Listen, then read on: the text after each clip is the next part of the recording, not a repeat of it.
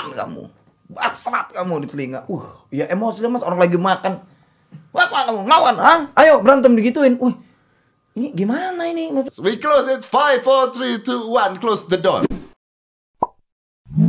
Berat lu berapa itu waktu kurus banget? 45 kilo Itu gara-gara apa bro? Gara-gara manggung apa lu emang kurus apa gara-gara nyabu lu dulu? nyabu ganja juga Heeh. gelek-gelek jadi kalau Ketangkap gak sih deh? ketangkap mas Oh dia ketangkap ya? lu jujur banget sih ketangkap. dua kali mas Dua kali? Anjir berapa lama bro? ya direhab tiga bulan terus, paling lama enam bulan direhab direhab aja Direhab aja tapi Direhab aja. Itu sabu apa ganja? sabu sama ganja Terus kalau lu bisa stop? bisa stop eh, gara-gara kemarin sebelumnya kan di penjara Ah. terus yang kemarin ini nggak di penjara mas ditaruh di apa di rehab namanya di BNN Heeh. Nah terus saya di sana ya rame lah ada teman di sana kan ada senior saya ada Semi ada Oh, iya, iya, Mas bener, Yoyo bener, kan bener. Banyak ya di situ ya. nah di, terakhir saya sama Mas Yoyo itu bareng yang lain udah pada pulang sisa sama dia akhirnya selesai sampai rokok juga enggak Oh ya? ya paling ngerokok kalau kalau galau aja Kalau galau rokok, Iya. inget mantan. gitu kan. Nah, tapi serius gimana caranya lu bisa berhenti bro? Emang di rehab tuh diapain sampai lu berhenti? Jadi dulu di rehab itu kita eh, melakukan kesalahan maka rokoknya dikurangin. Ngerokok itu sehari tiga kali. Dari 8 batang kurang 6, 7, 5, 4, 3. Mas. Jadi misalnya lagi di masjid nih, lagi ceramah kan, namanya orang Jumatan kan biasanya kaum muslim ada yang ketiduran kan. Betul, betul. Ketahuan tuh, ada namanya single di belakang tuh. Ada empat orang, itu bagian nyatet Andika tidur, si itu tidur, si tidur. Habis dari Jumatan itu sholat nggak dibahas. Makan, begitu bagi rokok kan kayak ngantri gitu mas. Satu, satu, satu. Begitu saya keluar, kamu sana. Loh kenapa? Kamu di dom sana. Kamu tadi, nih pelanggaran kamu. Kamu tadi tidur di masjid. Wah nggak ngerokok kan? Oh ben- gitu dia. iya. Terus kayak makan gitu. Makan kan tiba-tiba ada single. Single itu kerjanya cuma ngacak-ngacak bikin kita marah, Mas. Oh. Komplainin masalah kita. Jadi dia tuh apa pakai pakai pengawas penjaga. Ya, empat orang, single panggilannya.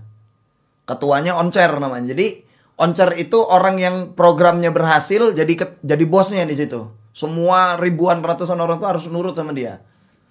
Diam, single, kerjain dia. Datang single 4 biji. Kamu makan berisik ya. Pergi. Diteriakin, setan kamu. Basrat kamu di telinga. Uh, ya emosi mas orang lagi makan. Apa kamu ngelawan? Hah? Ayo berantem digituin. Wih, ini gimana ini maksudnya? Ya kan? Iya, bingung Kita juga dong. lawan, lawan lu awalnya. salah juga. Lawan, lawan, Lawan. dibawa, dimasukin sel. Temen Dika kan berdua masuk tuh sama keyboardis. Nangis keyboardis Dika. Lu sih ngelawan ya gila lagi makan lo. Digebrak mejanya, Mas. Bak! Musibah, basrat kamu berisik makannya. Ya mas mau makan pelan-pelan gitu. Dia nyariin kesalahan kita aja. Oh, dia nyari kesalahan. Iya. Kayak kita pakai kancing baju, jalan rame-rame gitu kan. Sini bisa dibantu nggak? Apa? Mau terima nggak? Accept nggak? Accept apa? Itu kancing baju kamu harus masa pakai kancing baju harus sampai kayak gini gitu. Harus nyari kesalahan orang hari-harinya pokoknya. Eh, Tujuannya apa itu? Tujuannya biar kita itu di luar katanya nggak jatuh lagi ketemu temen yang itu ya gitulah kata dia kan Iya, kalau iya, aku iya. sih be- pikirnya yang positif-positif aja kayak beberapa program dia ada yang setuju kayak belajar belajar bahasa Inggris yang aku nggak ngerti kan jadi ngerti dikit-dikit kan terus kalau yang program-program itu aku malah nggak nyambung malah sampai sekarang Enggak, tapi maksud gua apakah eh, dengan direhab gitu orang bisa berhenti nyabu gitu? Lu berhenti nyabu gara-gara itu gitu? Eh, niat juga sih sebenarnya. Niat juga. Cuman kan eh, setidaknya di situ mengurangi. Mas kayak ngerokok tadinya dari 8 itu dikurangin kan dengan adanya masalah judul-judulnya? Gara-gara rokoknya dikurangin dikurangin sampai nggak ngerokok gitu loh mas. Sampai males kan ngerokok Sampai- kan? iya, iya, benar-benar. karena eh kena hukuman nggak dapet rokok nggak dapet rokok sehari dua hari tiga hari empat hari judulnya kebiasaan tuh lompat mulai seminggu sekali ngerokoknya mulai mulai hilang lama-lama Oke. Nah, kenapa orang yang banyak orang yang udah direhab juga balik lagi tapi kan? itu mah niatnya udah nggak bener pasti kalau dia niatnya udah be- nggak bener ya keluar A- gitu artinya lagi artinya lu tahu cara lu gini artinya sebenarnya membuat lu berhenti sebenarnya niat dong bukan gara-gara rehab gitu niat dong. sama pergaulan juga mas sama pergaulan. ya jadi eh, temen yang dulu buat kita make terus tiba-tiba kita jauhin dia akan minder dengan sendirinya kan nuduh kita yang enggak enggak lu jadi cepu tah. Gara-gara ditangkap BNN gua kalau jadi cepu lu udah ketangkep bos dari kemarin-kemarin. Buat apa gua jadi cepuin lu? Nggak nguntungin juga nggak ada peduit juga gua. Dia bilang kan gue ini di BNN lo direhab diobatin gitu. Jadi di situ pertama datang ada fase-fasenya dia fase detox terus nasi, naik dia ke A, ke B, ke C sampai ke D gitu. Ya, lu bilang kan tadi peng- eh, pengaruh paling gede pengaruh lingkungan. Iya. Artinya eh, ketika mulai orang mulai ngobat juga pengaruh paling gede gara-gara lingkungan. Pasti. Lu kenapa yang mulai? Eh kalau dulu kan waktu di Lampung ya, masih di kampung gitu. Masih di kampung tuh ngerokok Mas susah. Ngerokok tuh satu batang rokok bisa joinan tuh anak-anak kangen band dulu kan. benar. Wah, wah. Tiba-tiba jadi artis, pegang duit ratusan juta sampai miliaran, kaget kan? Berapa ganja? Sekilo murah pak, berapa? 2 juta. Ah belilah, 2 juta kecil amat gitu kan, satu blondong kan. Iya iya betul betul. Begitu satu blondong siapa aja yang minta bagi-bagi temen ini ngasih ini ngasih itu ngasih ini sisa lah sedikit berapa ons gitu kan udah untuk untuk pakai sendiri aja Oke. Tapi kan kalau ganja efeknya mungkin eh, ketawa Ketawa-tawa. Nah, dari sana ke sabu gimana ceritanya? Bro? nah jadi kita kan nggak ngutupin kemungkinan mas. Jadi dulu syuting di stasiun TV ada yang subuh. Kayak acara boleh disebutin nggak? Boleh boleh. kayak acara inbox Ah, dahsyat itu kan pagi tuh. pagi kan? Mau Iya, nggak mau kita mulainya datangnya- pagi, betul, mulainya pagi. pagi. mau nggak mau kita dari jam 12 nggak tidur kan? Datang temen tuh orang Jakarta kan? Ini ini doping nggak kayak tidur lu katanya. Bablas lu. Ah yang bener iya pakai tuh sesekali dua kali tiga kali mulai suka kan Tapi efeknya bener nggak? nggak tidur tidur mas emang Energik gitu. Buh, memang kita ketemu orang tuh kayaknya bro, woi, padahal kecil badannya kayak Mas Dedi aja bawaannya. Bro, ya udah deh, urus semua. Padahal mah badannya kerunyil ya. Nah. Iya mas bawaannya nggak tidur sama pede ya. Dulu kan aku emang orangnya gara-gara narkoba itu kurang percaya diri ya. Jadi kalau mau acara pakai dulu. Kayak ganja, kayak sabu. Jadi misalnya sejam sebelum mulai itu di mobil dulu aku. Di mobil mobilnya gelap kacanya bakar. Oh, nah baru syuting. Ayo make up kayak gitu. Dulu gitu. Kayak terakhir aku ketemu Mas Dedi acara apa gitu di RCTI ya? Iya iya betul betul. nah itu aku habis make tuh. Oh, habis make? sama Mas Dedi om foto ya om aku bilang. Ayo foto om. Wah, habis make itu, itu, jadi pede ketika jadi pede Tapi itu kan kalau lu jadi pede, gua dengar katanya makin lama dosisnya harus makin naik. Iya, naik terus emang dosisnya. Kayak pakai ganja dulu kan sebatang tuh rame-rame. Sekarang 6 batang aja nggak kerasa tuh karena saking itunya. Begitu juga sabu. Awalnya 4 isep, 5 isep gitu, kerasa gitu kan. Ke sini sininya nggak mas, beli sendiri kan. Belinya seperapat, pakai sendiri, terus naik setengah ji, terus sampai seji. Untungnya ditangkap lah udahlah. Untungnya ditangkap dah.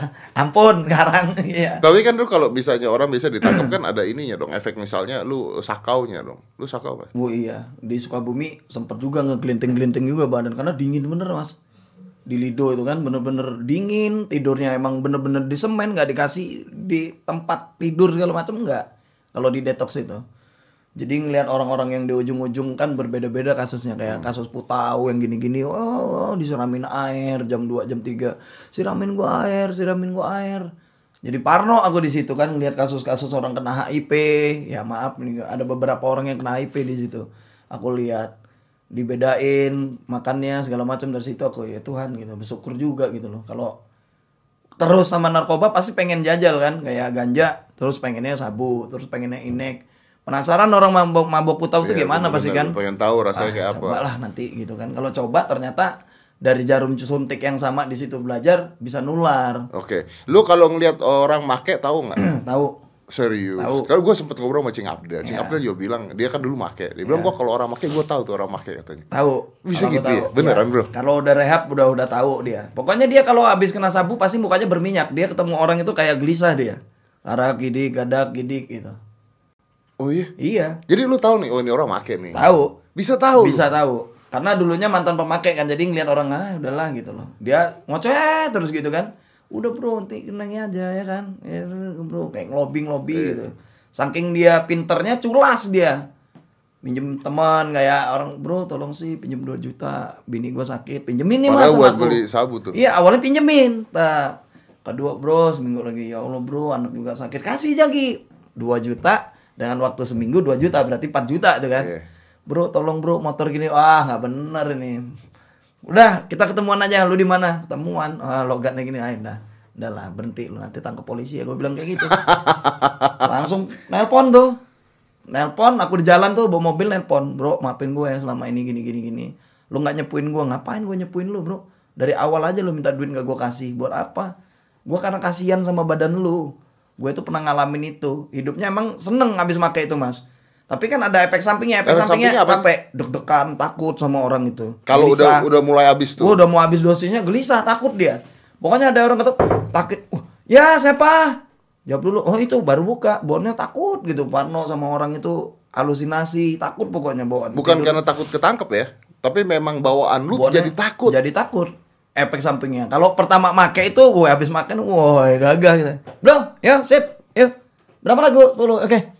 Nih, cek son. Gak mau apa? Ah lu ini gitu kan. Lempar mic. Ah cek son tenang gua.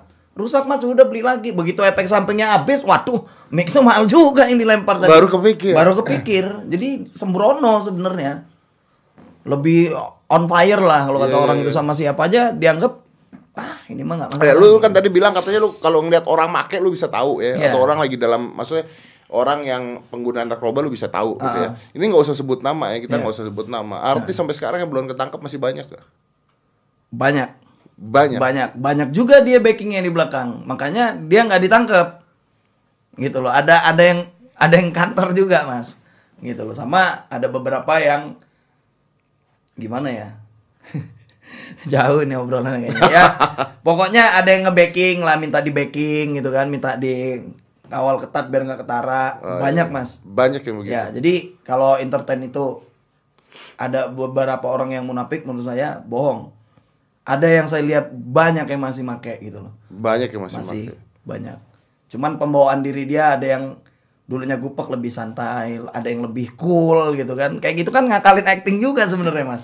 Biar orang nggak baca karakter dia. Tapi tanpa mereka sadarin, orang yang pernah pakai tahu. Gue ini tahu lo make bro gitu loh. Cuman mau negornya kan kadang kita Ya, nggak enak kan, nggak bukan enak, urusan lu juga, Iya, asik betul. aja lah pokoknya sip. Sip, asik aja lo bro ya. Yang penting nggak ketangkep aja doanya itu aja. Sebelum ketangkep tobat gitu loh. Gitu aja. Aku beberapa artis sebelum ketangkep tuh aku udah tahu.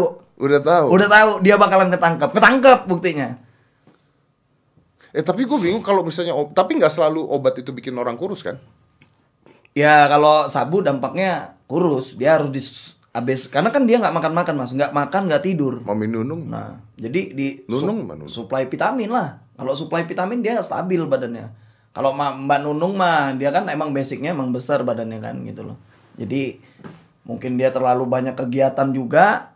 Terus dia pakai itu untuk ya itu tadi yang gue bilang kayak doping kayak aku pernah ngalamin itu gitu loh. nggak tidur tanggung nih kalau tidur bablas nambah sakit kepala mendingan nggak tidur gitu. Makanya pakai mungkin untuk buat doping dia nggak tidur nunggu acara itu gitu kan sampai Iya. subuh. Aku pernah juga kemarin satu ini sama Mas Nunung sama suaminya.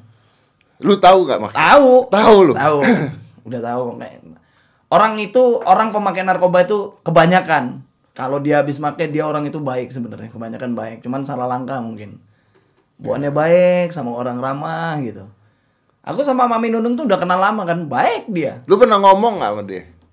Enggak, kalau ngomong itu nggak berani, nggak berani. senior, emak itu, Iya. ampun. Tapi lu gitu. pernah ngomong gak sama artis lain? Ada gak artis lain lu bilang lu lu ya tegur? sering lah, sering pakai barang juga pernah dulunya kan. Terus lu tegur gitu. Ya tegur, bro. Lu kata tempat obat ciduk kayak gua, ya lu aja kotor mainnya gitu. Bingung kan kita Oh, ngomongnya. ya tetep aja salah Lu ya. main yang kotor bro, main sama gua, yang di belakang gua gitu, belakang gua ah, monster nih, nggak mungkin disentuh gitu. Jadi kita juga ya udahlah gitu loh. Ya udah sip, nah ampura ini mah udah sip gitu. Jadi kita mikirnya ah lu kebelukum nih berarti kan? Ya kita kan nggak tahu. Tapi nggak tahu Obrolan kan. dia kebelukum Iya, kan, tapi di obrolan belakang dia. apa kita tahu? Omongan dia kebelukum. Omongan dia kebelukum kan. Begitu lu ikutan make sama dia ketangkep lu mau ngapain lu kan bego rasanya kan. Habis. Kampung Ambon aja habis buktinya kan. Iya betul. gitu aja nggak orang nggak nggak ada lah menurut Dika orang yang kebal hukum gitu mungkin itu salah satu trik dia untuk ngemop gitu loh mas Iya, udah iya. gua ini nggak bakal ketangkep gua ini ini bisa aja di ngemop ngemop aja kan padahal kan kita nggak tahu coba kalau gua kasih tahu gitu kan Selesai, tapi kan? beberapa teman artis itu tegur malah kayak begitu jawabannya Jawabannya kayak begitu. Ya udah artinya emang nggak bisa ditegur kalau orang lagi Ya. pakai karena dia udah udah nggak nyadarin dong Ya. kesalahan itu kan. Maksudnya buat dia udah enak kan Ya. ada di dalam suasana itu udah enak gitu kan. asik lah nih pokoknya Udah enjoy asik, lah kan. Tapi itu ngerusak karir lu nggak? Enggak ya? kalau karir rusak mas waduh apalagi ekonomi bubar. Gara-gara itu. Iya. Saya pas itu lagi jalan sama sponsor rokok gitu. Itu jalan 46 titik pada saat itu. 46 titik. Kangen band emang lagi in-in ya pada saat itu kan. Tiba-tiba waduh, tangkap harus ngeluarin biaya banyak kan terus anak-anak siapa yang ngurus mantan nyerain uh mas sedih mas di dalam datang kertas ceraiin waduh Lu dicerain di dalam Iya, penjara. wah. perih mas Bukannya lu yang ninggalin bini lo? bukan Lu dicerain dalam penjara. ceraiin dalam penjara Dapat dapat surat cerai. iya. Tapi lu tahu dong mau dicerain tahu dong. bukan kirain dibesuk Oh serius? namanya dipanggil kan kan dipanggil dulu sama petugas Hmm. kan. Panggil lah Nandika atau sama ini nih woi makannya nih dateng ya kan. Begitu dateng ke ruang besuk mana? Enggak itu ada petugas dari pengadilan agama. Ngapain? Ngasih kertas. Setelah ini Mas Andika Setiawan telah gugat gini. Woi sedih mas. Hancur di situ. Tapi lu nggak tahu lu mau dicerain. nggak tahu rapuh gitu mas. Serius, Bro. terpukul pokoknya. Wah dari situ nambah parah tuh nah, ada di dalam misalnya barang pakai pakai lagi tuh sabu sama ganja nyari Jadi di penjara tuh. iya nambah Nggak ngaruh berarti ya. oh nggak ngaruh mas Tetap aja rehab, ada yang iya tetap rehab itu yang bener udah mending rehab ya, mending bener. rehab karena penjara masih ada ya ada beda-beda ya penjaranya ada beberapa penjara mungkin yang ketat atau yang tidak ketat gitu loh. menurut Iya. saya ada beberapa sel tahanan itu yang tidak ketat gitu Ya, loh. jadi ada oknum-oknum yang bisa Nah, melakukan gitu itu. loh. Kalau masalah yang di dalam yang jual siapa nggak tahu kan? Karena kan kami di dalam semua. Kok bisa ada gitu kan? Iya betul. Gitu aja. Bisa ada di dalam. Berarti kan ada ada gambaran yang ada yang ketat, ada yang tidak. Tadi pas posisi saya di situ menurut saya belum ketat, nggak ketat gitu loh. Buktinya ada gitu loh. Ada gitu loh di dalam. Tahun berapa gitu. tuh, Bro? Tahun tahun berapa ya? Bingung juga. 2013 pernah terus 2016 saya pernah. Gitu loh. 2000 yang dicerain Dua- tahun berapa? cerain? Iya mas. 2008 mas cerain. Rapuh gitu. 2008. iya 2008 dari situ saya benci sama cewek jadi saya nggak mau nikah. Jadi kayak mana ya? Trauma juga kan mendalam. Jadi kalau untuk ngejalanin untuk nikah resmi saya memikirnya ah nanti dulu lah gitu. Masih krek gitu loh Ya kan? kenapa sih harus bubar gitu loh jadi Iya. saya Kenapa nikahnya harus bubar? Lu masuk penjara berkali-kali pakai obat, kenapa harus bubar? Gimana? Kalau dia dia mikirnya, lu kan nanya sama dia kenapa harus bubar? ya siapa tahu cobaan Oh, cobaan. setiap manusia kan bisa berubah mas Oh iya benar benar. Tapi Buktinya berubah ya. proses, iya. Proses betul. Butuh waktu berapa lama ya untuk berubah ya? kelamaan nih nggak berubah-berubah katanya tinggalin aja aduh Tapi secara ekonomi lu hancur dong berarti dong. hancur bener mas ATM tuh sampai pernah ATM tuh isinya 200 ribu mas. Waduh ini kalau makan ya namanya kita pertama masuk penjara itu mas ada beberapa orang pasti nganggap kita bos kan banyak Bener. duit nih gitu loh. Kita makan misalnya mis- beli nasi ayam apa nasi ikan nggak mungkin mas ada 12 orang di situ nggak makan kan. Iya benar. mau nggak mau kita nggak tega kan kita public figure juga. Wah ada beli deh pesen terus catering kan. Siang malam sore belum cemilan belum ngerokok belum ininya. Ya habis juga mas duit sebanyak apa juga. Gitu belum keluar kan. Petugas halo bro. Ya halo halo tempel ya halo pak ya ya gitulah. Harus dengan itu semua mas aman. Kalau nggak aman kita takut ngeliat preman-preman di dalam penjara itu kan. Oh, bos ini bos apa bos dari kepala kamar sebelah gini. Oh iya sampein aja sama dia nih. Makasih banyak. Iya iya betul. Tapi lu gak pernah diapa-apain dong Enggak, dong. alhamdulillah karena store terus. Store sama preman-preman kan. Kalau sama petugasnya enak lah masih bisa jadi teman. Ketemu di luar masih Iya. saya lo kalau preman-preman serem. Mas takut juga gitu badan kecil dulu kan. Iya, kalau sekarang sih gede bukan ngelawan takut juga mas. Iya. Dari sana lu nggak tapi lu masih nyanyi dong. dari sana masih dong. di sana ya namanya acara situ mas ya acara geletongan abis, juga abis acara abis acara sampai abis lu di penjara keluar ekonomi langsung membaik nggak? Nggak, awalnya membaik mulai ini membaik membaik membaik membaik jatuh lagi juga Kena lagi. karena masih ada ampas di dalam itu kan keluar ah nggak bakal tobat udah janji dendam keluar nih dendam bukannya kita berpikir keluar tuh tobat. Enggak mas. Dendam malah. Tunggu lo keluar keluar ya. Lebih parah dari ini. Gitu pemikirannya Oh, pada saat iya? itu. Iya. Ternyata begitu keluar bener dapat job langsung beli barang. Dapat job beli barang. Dapat job beli barang. Malah nggak nggak mikirin yang ini. Pokoknya kesenangan aja. Karena berpikirnya oh gue sendiri nih gitu loh. Gue nggak ada pasangan. Siapa sekarang yang mau ngelarang gue Iya betul. dan lu gua buat nyesel. Mantan gua. Gimana caranya lu pasti nyesel udah giniin gua. Iya, dengan cara lu nyerain gua, lu bakal gua ini berubah nggak nambah parah gitu. Salah sebenarnya Iya, kan. lu. padahal nggak taunya salah yang dilakuin itu langsung kayak aduh. udahlah Tapi gimana lu benerin ya bro? pelan-pelan pelan-pelan orang tua ya aku ini kan dari bayi dua bulan gak diurus orang tua mas diurus sama adek orang tua kan gitu loh broken juga korban dari orang tua juga pisah sampai sekarang saya nggak tahu muka orang tua saya seperti apa kan. Akhirnya yang ngurus saya dari kecil itu nangis gebuk-gebukin tangannya ke tanah. Aku nggak tahu lagi dik ngurus kamu kayak mana saya udah bener-bener ya nggak sanggup gitu loh. Akhirnya saya satu hal saya sadar di situ. Oh ternyata masih ada yang sayang kirain nggak peduli kan. Gue ini bukan anak lu buat apa gitu kan. Lu, kenapa, lu sorry, lu kenapa sedih banget? Itu kan bukan orang tua lu padahal. Iya, karena dari kecil mas dari bayi dua bulan aku kerasanya ketika aku nih punya anak gitu loh. Apa apa kan sendiri aku sekarang kayak ngurus anak aku sendiri gitu kayak mandiin, nyebokin yang tadinya maaf ya walaupun anak sendiri saya jijik mas nyebokin gitu jijik kan kalau dia pup gitu. Akhirnya saya mau nggak mau nggak ada lagi orang kan kalau bukan kita kan lagi nonton di mall kan mau nggak mau aku cebokin nah dari situ sampai sekarang udah nggak jijik lagi gitu apa apa sendiri gitu loh. Bahkan pakai pembantu pun saya nggak percaya gitu loh. Takut pembantu itu depan saya aja baik di belakang saya enggak gitu. Jadi saya kalau kerja kayak gini ke Jakarta saya lebih berpikir saya titipin ke orang tua saya atau ke omanya atau ke ex saya gitu mantan saya gitu. Jadi saya nggak nggak kurang kurang percaya juga gitu loh. Nah orang yang ngurus itu nangis depan nangis depan saya wah nggak tegel saya mas dari situ saya berubah di mohon bener dia apalah yang Tuhan nggak kasih sama kamu saat ini. Dulu kamu sekolah sambil dagang kresek asoy saya harus ke pasar minta-minta tolong beli gitu. Dikasih orang 2000 bawain barang gitu kan pada saat itu. 2000 tuh sangat besar menurut saya. Kayak ngerokok pergaulan di jalan gitu. Susah lah ekonomi. Sekarang kamu dikasih Tuhan tuh berlebihan. Kenapa kamu begini gitu? Akhirnya saya sadar dengan hal itu saya masuk di rehab kemarin omongan itu ke dokter ke saya akhirnya berubah berhenti berhenti berhenti. Alhamdulillah.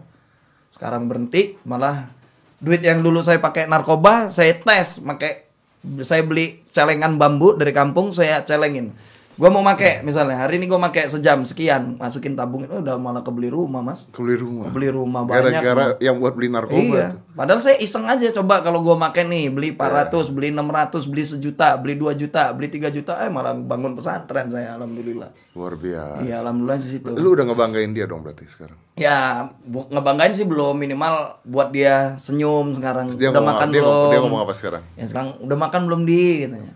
Rumah yang di atas udah kayak mana? Aku kan udah ada tiga rumah kan. Rumah di atas ngapain lagi dibangun? nggak apa-apa nih kayaknya buat anak-anak pesantren. Oh iya dah, bagus kamu kayak gitu gitu. Jadi senyum lah dia seneng gitu loh. Tantaku nggak kayak dulu risau. Itu siapa gitu. lu sih? Jatuhnya adek bapak yang paling bungsu. Dia yang ngurusin Ya, lu. dia yang ngurus. Uh, saya diputer-puter mas kayak ya. Nih, adek bapak besok ini sibuk taruh sini ya tidurnya nggak jelas jadi pakaiannya bingung ada acak-acakan gitu kan. Ta- Tapi ending-endingnya dia yang ngurusin Dia lu. yang ngurus dari kecil sampai itu cuman dia. Karena kan Berarti buat lu dia udah kayak orang tua dong. udah kayak orang tua. Karena kan kayak gini mas. Dia punya suami semenjak dia punya suami aku hargain itu kan. Oh dia punya suami takut juga kan. Suaminya juga kan angkatan tentara. Yang dilihat aku kasus lagi kasus lagi. Benci lah namanya angkatan anggota kan. Bener. malah aduh ini yang lu urus nih nggak jadi gitu kan. Sekarang alhamdulillah aku sudah buat dia senyum sudah buat dia tenang gitu walaupun aku minimal nggak buat dia kepikiran lah. Takut juga mas kalau kehilangan dia kan takut juga kita. Sekarang kan dia sudah tua kan mulai takut juga lah. Namanya gimana mana juga saya sayang juga sama dia mas. Gitu. Tapi lu eh, maksudnya pernah lihat orang tua dong. orang tua belum pernah lihat mas. Saya ketemu itu dua tahun yang lalu malah ketemu. Jadi ketemu orang tua jadi flat gitu loh. Kayak ada biasa rasa. aja gitu loh karena orang tuanya juga dibawa ngikut saya nggak mau. Bingung kan? Orang tua saya saya aja nggak mau gitu loh. Nggak taunya begitu saya telusurin telusurin dia punya penyakit depresi juga. Jadi saya masukin ke rumah sakit apa kayak di sini grogol gitu kabur. Jemput lagi Ini taruh siapa nih? Ayah, kabur. ibu? Saya. Ibu. kalau ayah udah meninggal. Ayah udah meninggal. Ayah udah meninggal. Berarti tante lu tuh gantiin ibu ya. Wah ngantin hebat lah dia Sampai saya pernah tuh masih kecil dihina-hina dia. Masih SD saya. Lu gadis bawa anak lo gini, gini anak haram gini gini, gini. Wih tegar bener dia tuh. Lu denger itu. Oh denger mas. Walaupun masih kecil dulu belum ngerti apa-apa tapi tahu inget itu dalam benang saya mikir. Siapa yang mau sama lo lo bawa anak kayak gini? Orang kan taunya itu anak lo buang aja kayak gitu. Serius? tetap aja iya. Dia ke rumah sakit mintain makanan di rumah sakit kan mintain susu. Susu buat saya. Karena kan saya kan minum gimana? Mau nggak mau dia tiap sore itu bikin tajin untuk saya jadiin susu bubur gitu kan. Ya sedih lah. Kalau orang lihatnya kayaknya Andika itu hebat, sukses sekarang bawa mobil keren gini-gini, punya uang gini-gini beli ini beli itu. Wah kalau diceritain dari awal cuman di Mas Dedi ini aja saya cerita kalau kesah saya. Karena saya orang berpikir ah ini bebang tampan nih gini gini gini gini bodoh amat saya. Nggak mikirin lagi sekarang. Saya mikirin yang penting saya cari uang bisa nafkahin anak saya udah sama calon istri saya. Nanti kalau saya masih dikasih jodoh Anak lu lima kan? lima. Yang biayain lu semua. ya tapi ada beberapa yang sudah nggak gara-gara nikah udah mulai nggak ngubungin gitu. Mungkin suaminya lebih kaya atau gimana kan? Bingung juga mas. Sekarang saya nafkahin tiba-tiba dibatasin ketemunya. Loh ini kok dibatasin? Udah nggak usah nafkahin juga nggak apa-apa ngomong kayak gitu oh berarti udah kaya nih sombong bener gitu kan Kok bisa begitu? iya nggak tahu Lu aja tapi dulunya ngurus nggak? dulunya nggak ya namanya narkoba terus mas Oh, iya, iya. belum Ini bisa ngurus lah ya, belum settle ya. juga Iya, kan iya. gimana mau settle mikirin diri sendiri aja belum bener kan kalau empat tahun lima tahun belakangan ini saya sudah berani mau mau diapain insya Allah saya udah siap gitu kalau di lima tahun belakangan di masa lalu di dari da- tahun 2005 sampai tahun 2012 emang berantakan masih hidupnya sampai 2013 masih berantakan saya penjejakan kan betul. kalau lima tahun terakhir ini saya benar-benar sudah netral Yang sudah. belum lu bikin apa sekarang, Bro? yang bikin sih sekarang lebih mikirin itu aja mas apa naikin haji keluarga yang pernah ngurus saya sama pesantren ini tetap Ya kok lu tiba-tiba bikin pesantren, Bro? Iya nggak apa-apa, pengen aja gitu loh. Karena pernah ngerasain pada saat ngamen, ditendang orang, diludahin orang di lampu merah kan. Nggak berhak juga apa anak-anak di pinggir jalan itu nggak bisa baca menurut saya mas. Walaupun nggak ada gurunya, minimal kan saya nanti nyari orang untuk biar mereka ini nggak apa nggak bodoh gitu bisa baca segala macem gitu. Pengennya gitu sih mas. Ya berarti hidup lu susah banget dulu ya. Wah parah mas. Saya hidup makan nih. Itu misalnya dagang cabai itu kan tinggi-tinggi tuh. Saya colong mas. Dia tidur saya colong sekilo gitu. Besok paginya saya dari plastik itu saya buka. Plastiknya saya sobekin saya. Ini saya buat nih 2000, ini 3000. Udah saya dagang. Lu Padahal lagi? habis maling iya. Pulang bawa uang, besok sekolah, pulang sekolah gitu lagi. Wah sedih mas. Parah saya dulu.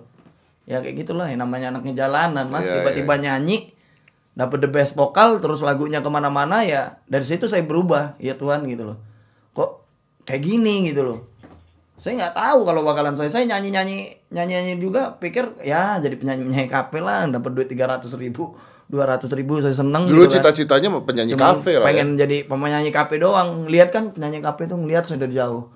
Wah enak amat pemain kafe tuh. Lagi nyanyi nyanyi dikasih duit gitu kan. seratus ribu orang request.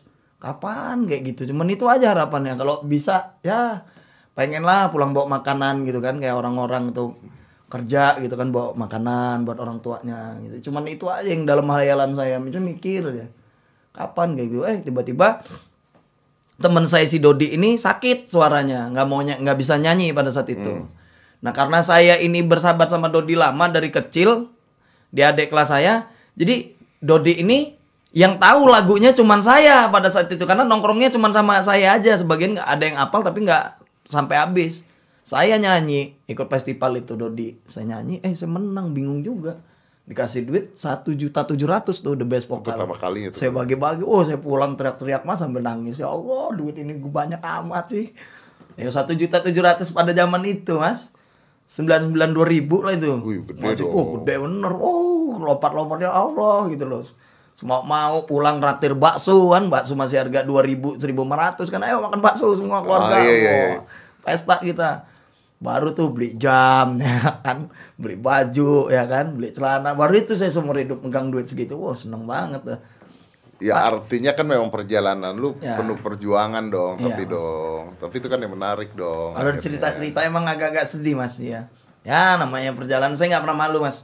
Yang jelas saya nggak pernah malu. Saya pernah jadi gelandangan, pernah jadi tukang ngambilin itu dagangan orang. Yeah, yeah. We close it. Five, four, three, two, one. Close the door.